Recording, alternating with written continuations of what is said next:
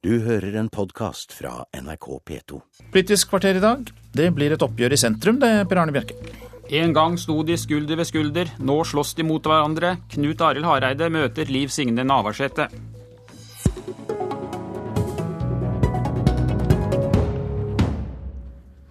Leder i Kristelig Folkeparti, Knut Arild Hareide. Hvilket parti har KrF mest til felles med? Senterpartiet eller Fremskrittspartiet? Det er nok Senterpartiet. Vi har samarbeida godt med Senterpartiet i, i, regjering tidligere, og vi er to sentrumsparti begge to. Og jeg tror at både Senterpartiet og KrF har gjort veldig mye for uh, Distrikts-Norge, for landbruk, for frivilligheten, for å bygge et samfunn nedenfra. Men hvis du har mest til felles med Senterpartiet, hvorfor åpner du da regjeringsdørene for Fremskrittspartiet? Siv Jensen? Ja, Det er jo fordi at eh, vi ønsker at det nå skal komme en ny regjering etter åtte år med rød-grønt eh, styre. Og eh, vi vet jo det at de rød-grønne har nå styrt i åtte år, og de har sagt at deres plan det er fortsatt rød-grønt flertall etter valget i september. Og det for KrF å stå på tribuneplass sånn som vi har gjort de åtte årene nå, det er ikke aktuelt for oss. Vi ønsker politisk innflytelse. Vi ønsker et samfunn der familiene får lov til å bestemme mer sjøl. Vi ønsker å stoppe den reisa mot et sorteringssamfunn som vi er på vei mot. Og da trenger Norge en ny regjering, og det ønsker KrF å bidra til. Leder i Senterpartiet, Liv Signe Navarsete. Eh, din nestleder Trygve Slagsvold Vedum oppfordret for noen dager siden verdibevisste velgere til å tenke seg om to ganger før de stemmer KrF. Er det ikke litt vel drøyt av dere å stille spørsmål ved KrFs verdigrunnlag? Nå mener jo ikke jeg at ei stemme til KrF er ei stemme til Frp. Jeg er helt sikker på at KrF vil arbeide for å få størst mulig gjennomslag for sine saker, òg eh, i samarbeid med Fremskrittspartiet. Men det som jeg blir forundra over, det er at, eh, at Hareide som leder i Kristelig Folkeparti vil gjøre noe helt annet enn de tre foregående lederne i KrF. Nemlig å gi Fremskrittspartiet makt som de ikke har i dag. Og da er det greit å si at jeg vil ha en ny politikk, men det viktige er jo hva slags politikk en da får. Og Da blir jo spørsmålet til, til KrF blir det mer eller mindre penger til bistand med, med makt i Fremskrittspartiet? Blir det mer eller mindre klimatiltak? Blir det en bedre eller dårligere landbrukspolitikk? Uh, vil det bli en bedre alkoholpolitikk? Altså, Vi har jo diskutert uh, skjenketider, f.eks., men det blir jo ikke det som blir temaet i et samarbeid med Fremskrittspartiet, for de vil jo ha bort skjenketidene. Ja. Det det altså, det, det er jo hva politikk vi får hva retning landet skal gå, som er viktig. Eh, og det her mener jeg at KrF svikter sentrum litt med å gi Fremskrittspartiet makt og åpne for at de skal inn i regjeringskontoret. Skal vi ta disse utfordringene du kommer med her i tur og orden, Navarsete. Først landbruket. Det siste året har altså KrF åpenlyst eh, fridd til bøndene, Hareide.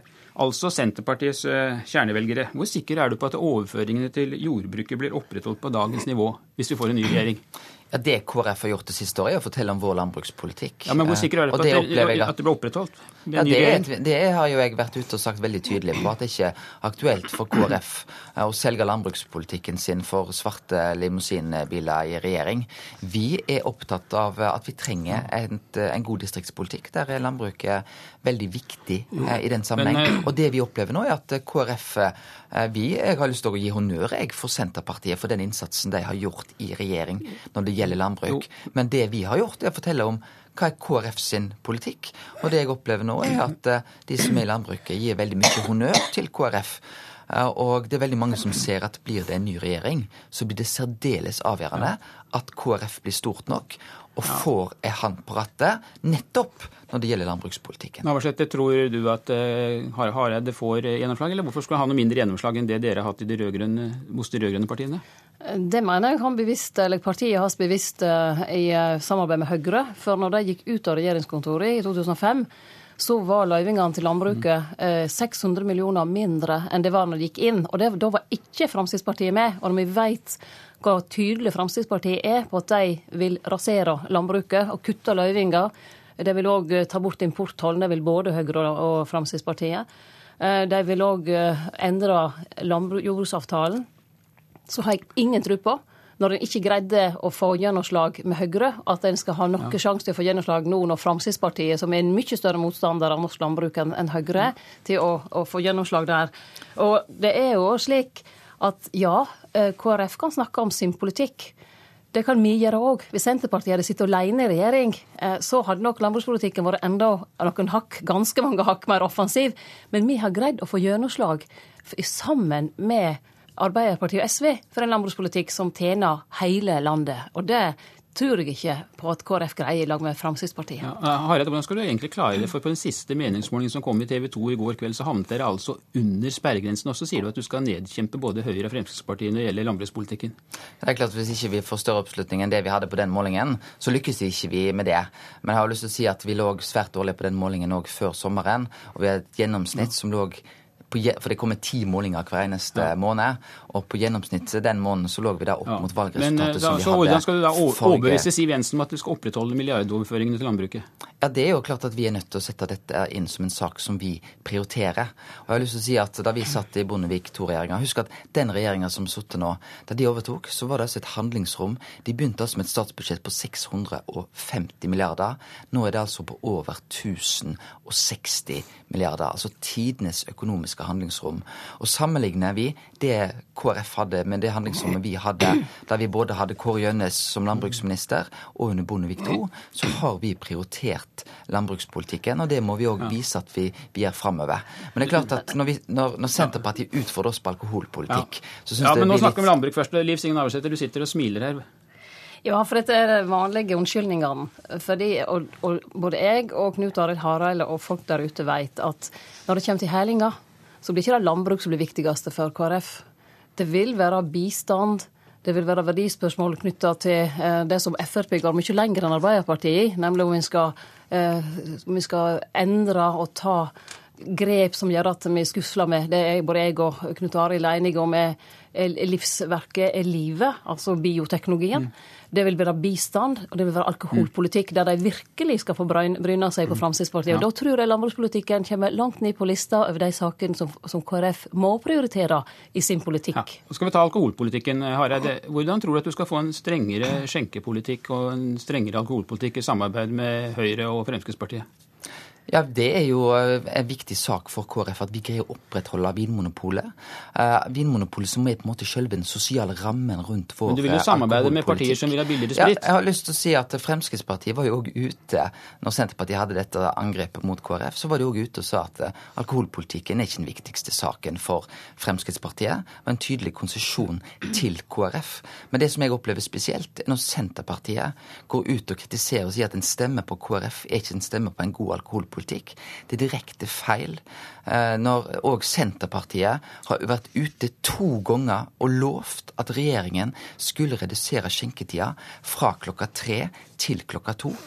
Ingenting har skjedd. To ganger har Senterpartiet lovt det nå de siste fire årene.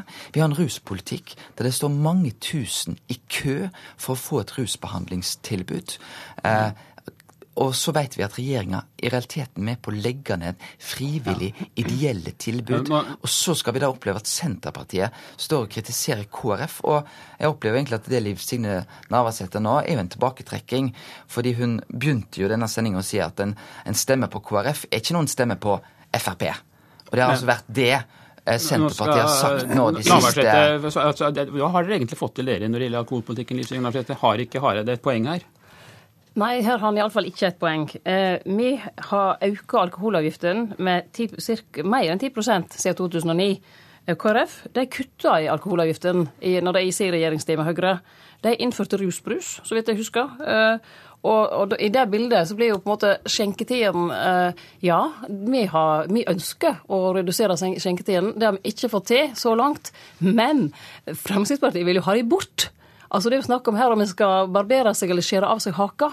Det er jo en helt annen forhandlingspart å møte, som da vil ha et utgangspunkt langt, langt bort forbi det som er KrF eh, sitt eh, standpunkt i en særdeles viktig sak.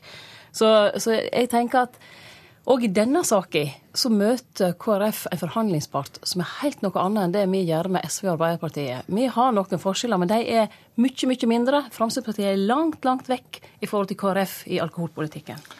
Ja, For det første så er det jo feil det Liv Signe sier her. For det, det, er jo sånn at eh, Senterpartiet har lovt to ganger å redusere skjenketida fra klokka tre til klokka to. Men på landsmøtet i vår så sa, gikk Senterpartiet tilbake òg på sin egen politikk. De landa på at de skulle fortsatt ha skjenketid klokka tre. Eh, så det er klart at eh, disse to sakene her er alkohol, bistand, er viktige saker for KrF. Men vi er òg nødt til å se på verdisakene i en langt bredere setting enn som så.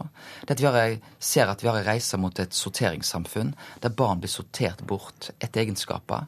Vi opplever òg at regjeringa har liberalisert når det gjelder surrogati, og i, i lovverket rundt det. Jeg tenker òg viktige saker som, eh, som, miljø, som familiepolitikk. At familien skal få lov til å bestemme mer sjøl. En er nødt til å se på helheten ja. i denne politikken her. Men det er klart, for KrF å være med i regjering der vi ikke får eh, gjennomslag for, for vår bistand, eh, vår alkoholpolitikk og landbrukspolitikk, mm det er ikke aktuelt. Eh, og, og, Derfor er vi veldig tydelige på det. Men det viktigste vi trenger, er jo at vi trenger selvfølgelig støtte fra velgerne. Navarsete forsvarer helt kort til slutt her. Altså, for å oppsummere litt. Grann. Når det gjelder bistand altså, og alkoholpolitikk Fremskrittspartiet de vil kutte 830 det er foreslått det, 830 eh, millioner i spritavgiften. De vil finansiere det med å ta ifra verdens aller, aller fattigste. De vil kutte 7 milliarder i bistand. De vil kutte mange milliarder til landbruket. De vil ikke ha skjenketider. Altså, de har en politikk som går langt, langt vekk ifra det som Knut Arild Hareide og jeg og Senterpartiet egentlig er ganske enige om. Det, er ikke så de store forskjellene på disse områdene mellom oss, men det er store forskjeller mellom de vi skal samarbeide med. Og jeg vet at si vi får større gjennomslag i det. Takk til dere to. Dere kommer sikkert til møtes igjen senere i valgkampen. Så er det et annet eh, parti, småparti. De åpner sin valgkamp i dag. I likhet med Senterpartiet og KrF havner også SV i skyggen av de tre store. SV-leder Evne Lysbakken, du har sittet tålmodig her og hørt på. Nå dere gikk dere litt frem på TV 2-målingen i går, mens andre målinger plasserer dere nær sperregrensen. Og du kan selv få problemer med å bli gjenvalgt fra Hordaland. Synes du prisen for regjeringsdeltakelse begynner å bli vel høy? Så Den første målingen i valgkampen som du sa, var jo en inspirasjon for oss. For den viser at potensialet for et parti som står for miljø og rettferdighet, er der. Det har ikke så mye inspirasjon eh, fram til sommerferien, kan være enig om. Du kan si at Hvis du sammenligner målingen i fjor høst med de som var i vår, så er det blitt eh, svært langt mellom målingen under sperregrensen, og vi har hevet oss. Men målinger er ikke det viktige, valg er det viktige. Det vi vet, er at det er mange miljøinteresserte velgere i Norge. Det er mange som er opptatt av rettferdighet. Vi er et parti som står for verdier mange deler, nemlig at eh, klimakrisen er vår tids eh, største utfordring, og at det gode samfunnet er et samfunn med små forskjeller og sterke fellesskap. Jeg vet det er et rom for et sånt parti. I dag åpner du altså valgkampen eh, offisielt, men hva kan du egentlig konkret gjøre for å kapre nye velger de, de fem ukene som gjenstår? Vi skal vise velgerne at de har to valg 9.9. De skal ta stilling til eh, hva slags regjering de vil ha. Da er en stemme på SV en sikker stemme mot at Høyre og Fremskrittspartiet skal få makten i Norge. En effektiv måte å sikre et rød-grønt flertall på. Men i tillegg skal folk ta stilling til hva slags politikk de vil ha. Da er det store forskjeller innad i hver blokk. En av de store utfordringene framover er at vi skal få ned klimagassutslippene, vi skal møte den store klimatrusselen, vi skal begynne omstillingen til tiden etter oljen i Norge. Da trenger vi en grønnere rød-grønn regjering. Og en stemme på SV er også den mest effektive miljøstemmen for de velgerne som vil sette det først. Men SVs rolle historisk sett har jo vært å være et protestparti som har stått for noe annet, ikke minst i utenrikspolitikken. Og så blir dere plutselig ansvarlig for to kriger. Hvor vanskelig har dette vært for dere de siste årene? Altså, det unike med SV er jo at vi er et parti som både tør å være radikalt, ha større visjoner enn de andre partiene, men samtidig være pragmatisk fordi vi ønsker å oppnå resultater for våre velgere. Det har selvfølgelig betydd at vi ikke får alt som vi vil, men det har også betydd betydelig gjennomslag, bl.a. i utenrikspolitikken. Helt fra den gangen vi trakk oss ut av Irak, til nå i vinter når vi lot være å gå inn i EU sin operasjon i, i Mali. Og Norge har spilt bl.a. en annen rolle i eh, Midtøsten. Men samtidig har dere altså vært med på vedtak i regjeringen som dere ville gått til protesttog imot for åtte år siden. Hvor vanskelig har det vært? Men vi har jo sagt veldig tydelig fra om hva vi mener f.eks. om Afghanistan-krigen. Jeg tror ingen er i tvil om eh, SV sitt syn på den. SV sin regjeringsdeltakelse har bidratt til å begrense vår deltakelse i Afghanistan. Samtidig så vil det være feil å si fra oss all innflytelse i norsk politikk fordi vi var det eneste partiet på Stortinget som var mot den krigen. Tvert imot så har vi både, som vi alltid har gjort gjennom hele vår historie, vært en tydelig pådriver i debatten om disse spørsmålene en tydelig motstander av krigen, men samtidig brukt den innflytelsen vi kan, bl.a. til å vende norsk utenrikspolitikk i en annen retning enn den USA vil, og samtidig påvirke det norske samfunnet i retning lavere forskjeller, sterkere fellesskap og en bedre miljøpolitikk. Takk skal du ha, leder i SV Audun Lysbakken. Du får gå og åpne valgkampen din, og så får vi se åssen det går om fem uker. Og det var Politisk kvarter med Per Arne Bjerke her i studio. Du har hørt en podkast fra NRK P2.